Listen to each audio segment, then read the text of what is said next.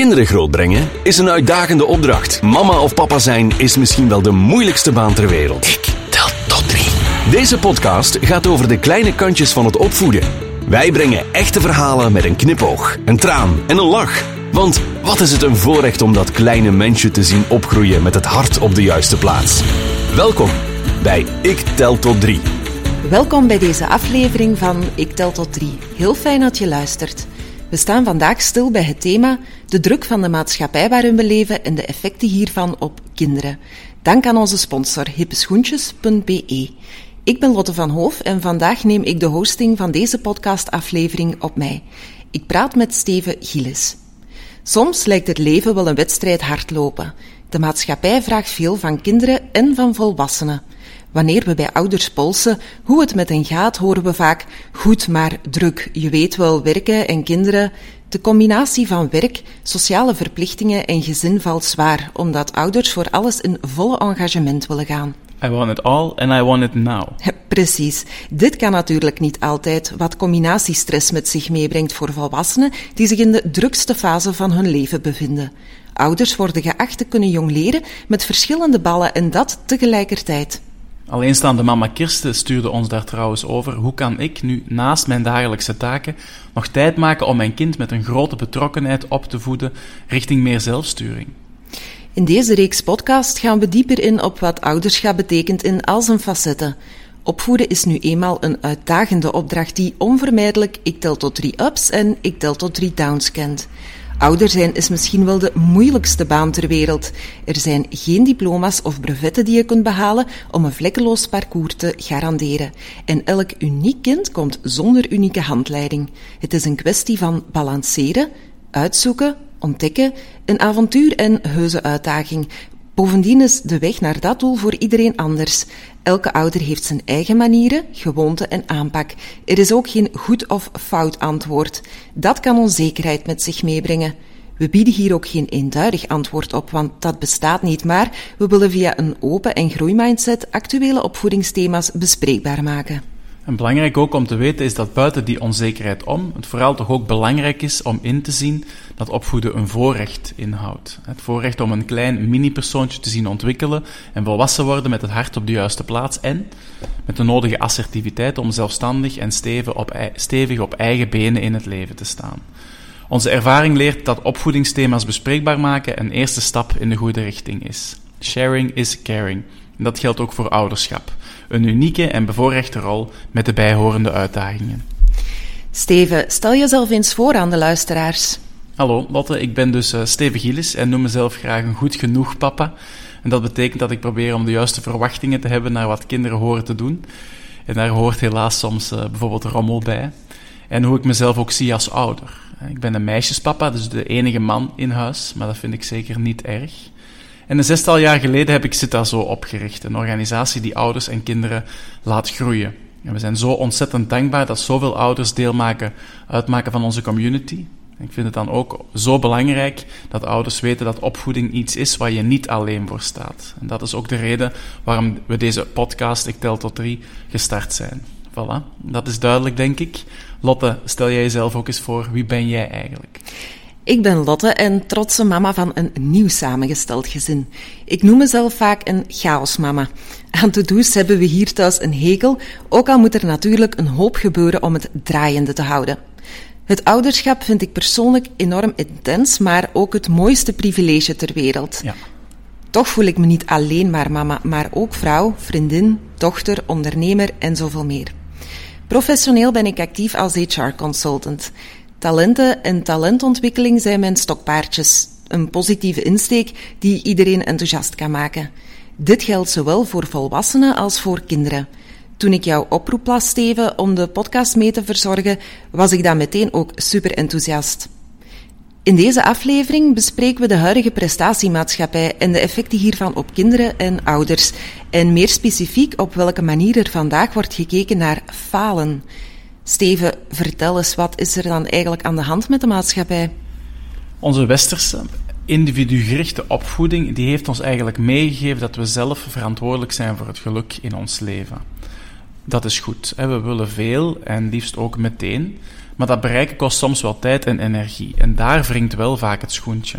Ouders die doorheen alle drukte en het omhoog houden van veel ballonnetjes, zeg ik altijd, maar moeilijk de balans kunnen vinden in de daily life bezigheden, voelen zich soms onzeker of gefaald. De komst van kinderen vraagt best wel wat van ouders en dat weegt vaak ook door op die dagdagelijkse bezigheden. Mm Daar een evenwicht in vinden is op zijn zachtst uitgedrukt voor veel ouders challenging te noemen.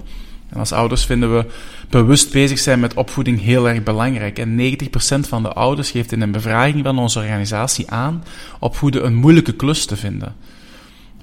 Langs de andere kant weten we ook dat goed functionerende gezinnen met een hoger geluksniveau adequate antwoorden vinden op vragen die betrekking hebben op zowel de dagelijkse huishoudelijke routines als op het eh, opbouwen, versterken en onderhouden van de gezinsrelaties. Ouders zijn dus vaak heel bewust bezig met opvoeding. Ze willen het allerbeste voor hun kinderen. Oké. Een quote die circuleert op het internet zegt niet zomaar schertsend: kies twee van de drie onderstaande elementen als ouder: rust, slaap, sociaal leven, je huishouden op orde.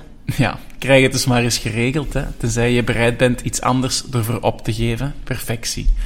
En ook aan de andere zijde sluit dan wel een valkuil binnen, de sleur, die synoniem staat voor het zo hard opgaan in dagelijkse bezigheden dat je eigenlijk de essentie als ouder, de essentie van het leven, en dat is toch het genieten met elkaar, dat dat dreigt verloren te gaan. Is ouderschap dan geëvolueerd? Ja, absoluut. Ouderschap is geëvolueerd. Hè. Door de toegenomen welvaart zijn ouders de afgelopen tientallen jaren, decennia, geëvolueerd van meer sturend ouderschap naar een meer dienende ouders. Er kan heel veel. Met één vingerafdruk op de tablet van je kind hebben ze alweer een nieuwe game. Ik herinner me nog dat ik in mijn kindertijd een Game Boy had met het spelletje Tetris. En ik wou heel erg graag Super Mario Land, dat spelletje. Dus vonden mijn ouders dat ik daarvoor moest sparen. Heel logisch was dat. En na maanden sparen bleek dat spel uit stok in de winkel. En dat was niet de tijd waarin je dan even op bol.com of Amazon kon gaan kijken of het daar dan wel beschikbaar was. Het was er gewoon niet. Ik moest geduld hebben, ik moest wachten. Herkenbaar. En het gevoel dat ik toen had, hè, toen ik uiteindelijk dat spel dan wel in mijn handen had, was eigenlijk onbeschrijfelijk. De meeste kinderen hebben het thuis heel erg goed. Hè. Ze, krijgen, ze krijgen waar ze nood aan hebben. En ouders ervaren niet al te veel problemen en kunnen heel vaak in functie van hun kinderen gaan staan. We zijn een applausgeneratie? Ja, zeker. Hè. Zolang het goed loopt, zijn we applausouders. Een peuter die loslaat op het potje, applaus. De eerste stapje van een kind, applaus. Eerste tandjes wisselen, weer applaus. Maar oh wee, als die tiener dan even wat grenzen aftast. Hè. Eigenlijk zouden we dan ook applaus moeten geven, als die puber dat niet hoort, uh, natuurlijk. Als het moeilijker loopt, dan hebben we als ouder de neiging om te gaan beschermen. Bange ouders maken bange kinderen, zeg ik altijd. We lijken soms te vergeten dat ook frustraties en tegenslagen bij het leven horen. Wanneer ouders hun kinderen bijvoorbeeld te veilig laten spelen of behoeden voor mislukkingen, gaan angsten ontstaan. En het vermijden van die kwetsbaarheid, dat maakt een kind net kwetsbaar. Ik vind het interessant dat je de toegenomen welvaart aanhaalt als oorzaak van verschuivingen in het opvoeden. Ja, er is heel veel mogelijk. Hè. Als ik een unicorn tafellaken wil bestellen, dan kan ik dat vandaag nog doen. En vorige zomer bestelde ik een uh, Bluetooth speaker online en voor ik het wist, had ik die optie vandaag nog in huis aangevinkt. Maar ik had die speaker die dag helemaal niet nodig. Hè. Het punt is, er kan heel veel. En de valkuil is dan dat dat doorschiet. Dat we hotelmama of hotelpapa gaan worden. Dat we meegaan in de fear of missing out, de FOMO. Um, de angst om er eigenlijk niet bij te horen. Hè. Een cadeautje meegeven aan alle kinderen die op het verjaardagsfeestje van jouw kind langskomen. Moet dat wel? Hè? Dat is soms de vraag, moet dit wel? Ja, want er moet heel veel. Precies, er moet heel veel. In de kleuterklas krijgen kinderen al vaak te maken met moetjes en magjes. En kinderen moeten van jongs af aan naar educatieve programma's kijken en verantwoorde spelletjes spelen. En soms moeten ze zelfs huiswerk maken in de vakanties. Veel rapporten bevatten nog steeds een gemiddelde of een mediaan. Je moet maar eens op zoek gaan naar voorbeelden ook in je eigen situaties. Kom aan kinderen, we moeten vertrekken. Het woordje moeten heeft heel vaak een prominente plaats in onze communicatie. Ja. De druk van het moeten op onze kinderen heeft dan tot effect dat ze stress ervaren, neem ik aan? Ja, inderdaad. Hersenspecialisten bevestigen dat kinderen meer stress ervaren en daardoor minder plaats hebben voor andere zaken, zoals ontspanning. En stress zorgt er ook voor dat kinderen snelle depressies en angsten ontwikkelen. De cijfers over psychische problemen bij kinderen en jongeren in Vlaanderen, in België, blijven pieken. En er zijn initiatieven als Rode Neuzendag echt nodig om dat aan te kaarten, jammer genoeg. En ouders merken dat trouwens ook zelf. Hè, dat um, ehm, 9 op de 10 van de ouders vinden bijvoorbeeld dat er te veel verwacht wordt van kinderen. 1 op de 3 ouders laat hun kind geen huiswerk zonder fout afgeven aan de juf of de meester. En 9 op de 10 ouders vinden zelfs dat kinderen meer kind zou mogen zijn. Ja, want nooit eerder zijn we zo met elkaar verbonden geweest. De opkomst van de social media hebben ervoor gezorgd dat volwassenen en minderjarigen online informatie kunnen opzoeken, zich kunnen ontspannen, contact kunnen houden met vrienden en ook nieuwe contacten kunnen leggen. Ja, die sociale netwerksites die maken het natuurlijk gemakkelijk om hypergevoelige persoonlijke informatie van anderen op te zoeken en om ook dat soort informatie van jezelf te gaan delen. Dat schept heel wat mogelijkheden, maar dat brengt natuurlijk ook heel wat valkuilen met zich mee. Uh, jongeren, kinderen kunnen niet altijd de risico's van zo'n zelfrepresentatie online inschatten. En die kunnen dan ook maar moeilijk de, uh, de inschatting maken van ja, wat is nu echt, wat is nu fake, wat is nu gemanipuleerd. Dus, dus de sociale druk die komt kijken bij dat voortdurend in verbinding staan, maakt dat sommige kinderen hun eigen waarde gaan scoren op het aantal volgers, het aantal vind ik leuks, het aantal comments. En welke plaats hebben gevoelens in dit verhaal? Ja, gevoelens mogen niet onder de mat verdwijnen natuurlijk, hè, waar ze nu soms wel terechtkomen. Veel kinderen krijgen geregeld te horen dat ze toch niet zo hard hoeven huilen, of dat ze zo boos toch niet moeten zijn. Maar op die momenten zijn dat natuurlijk wel de gevoelens die het kind beleeft, of waar het kind uh, moeite mee heeft.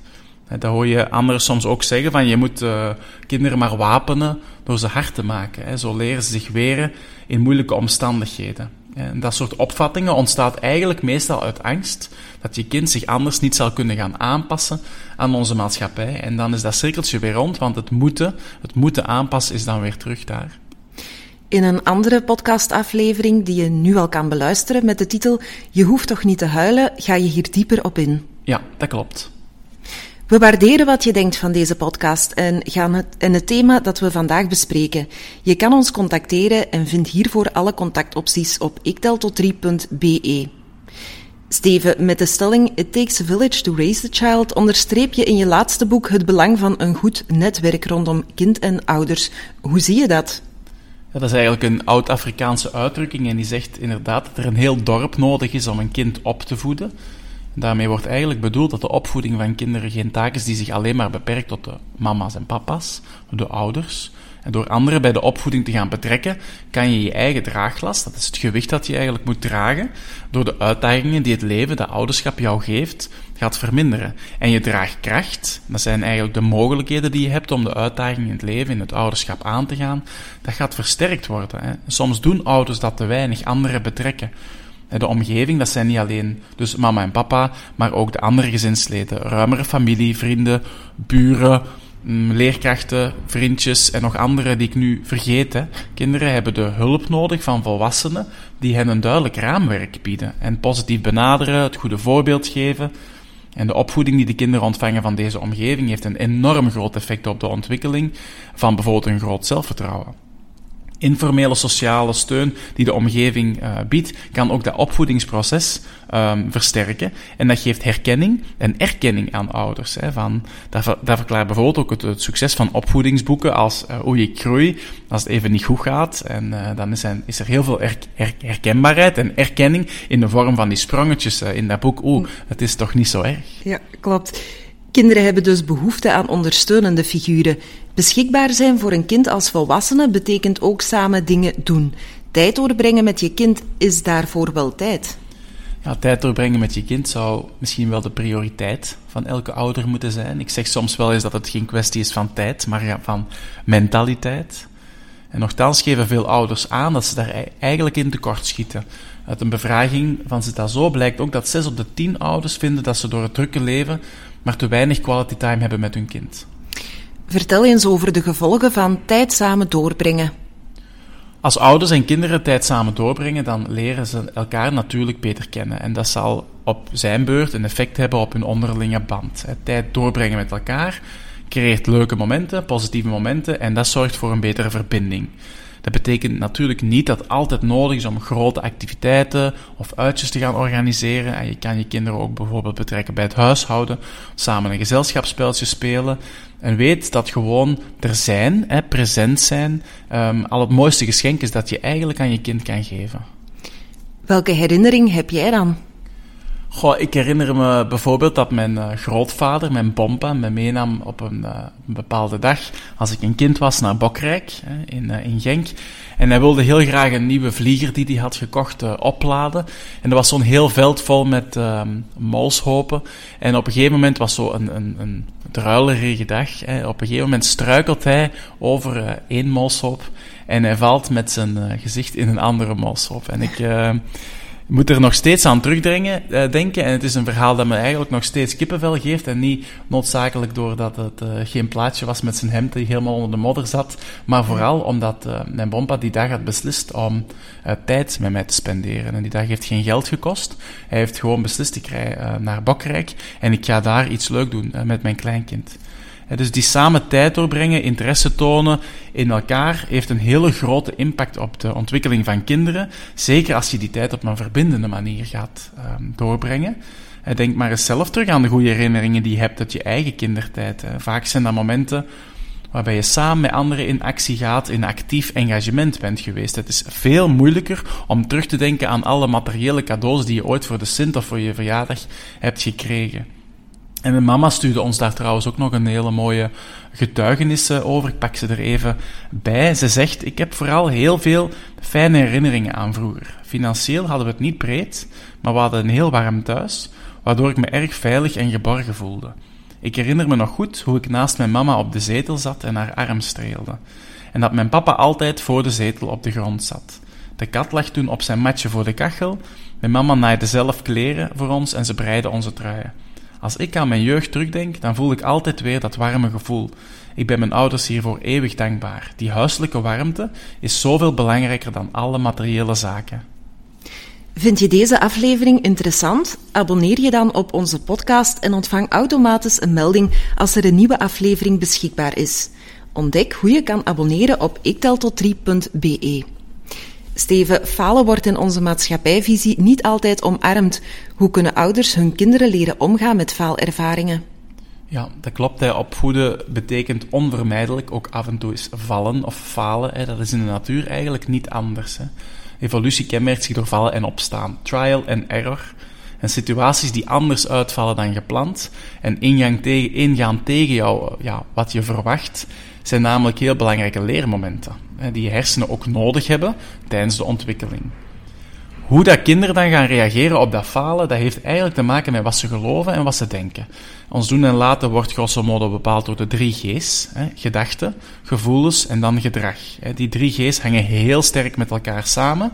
Hoe we ons gedragen, dat is eigenlijk maar, hoe zal ik het zeggen, het topje van de ijsberg. Heel vaak is de oorzaak of de verklaring van dat gedrag te vinden bij onze binnenkant. Wat we denken en wat we voelen.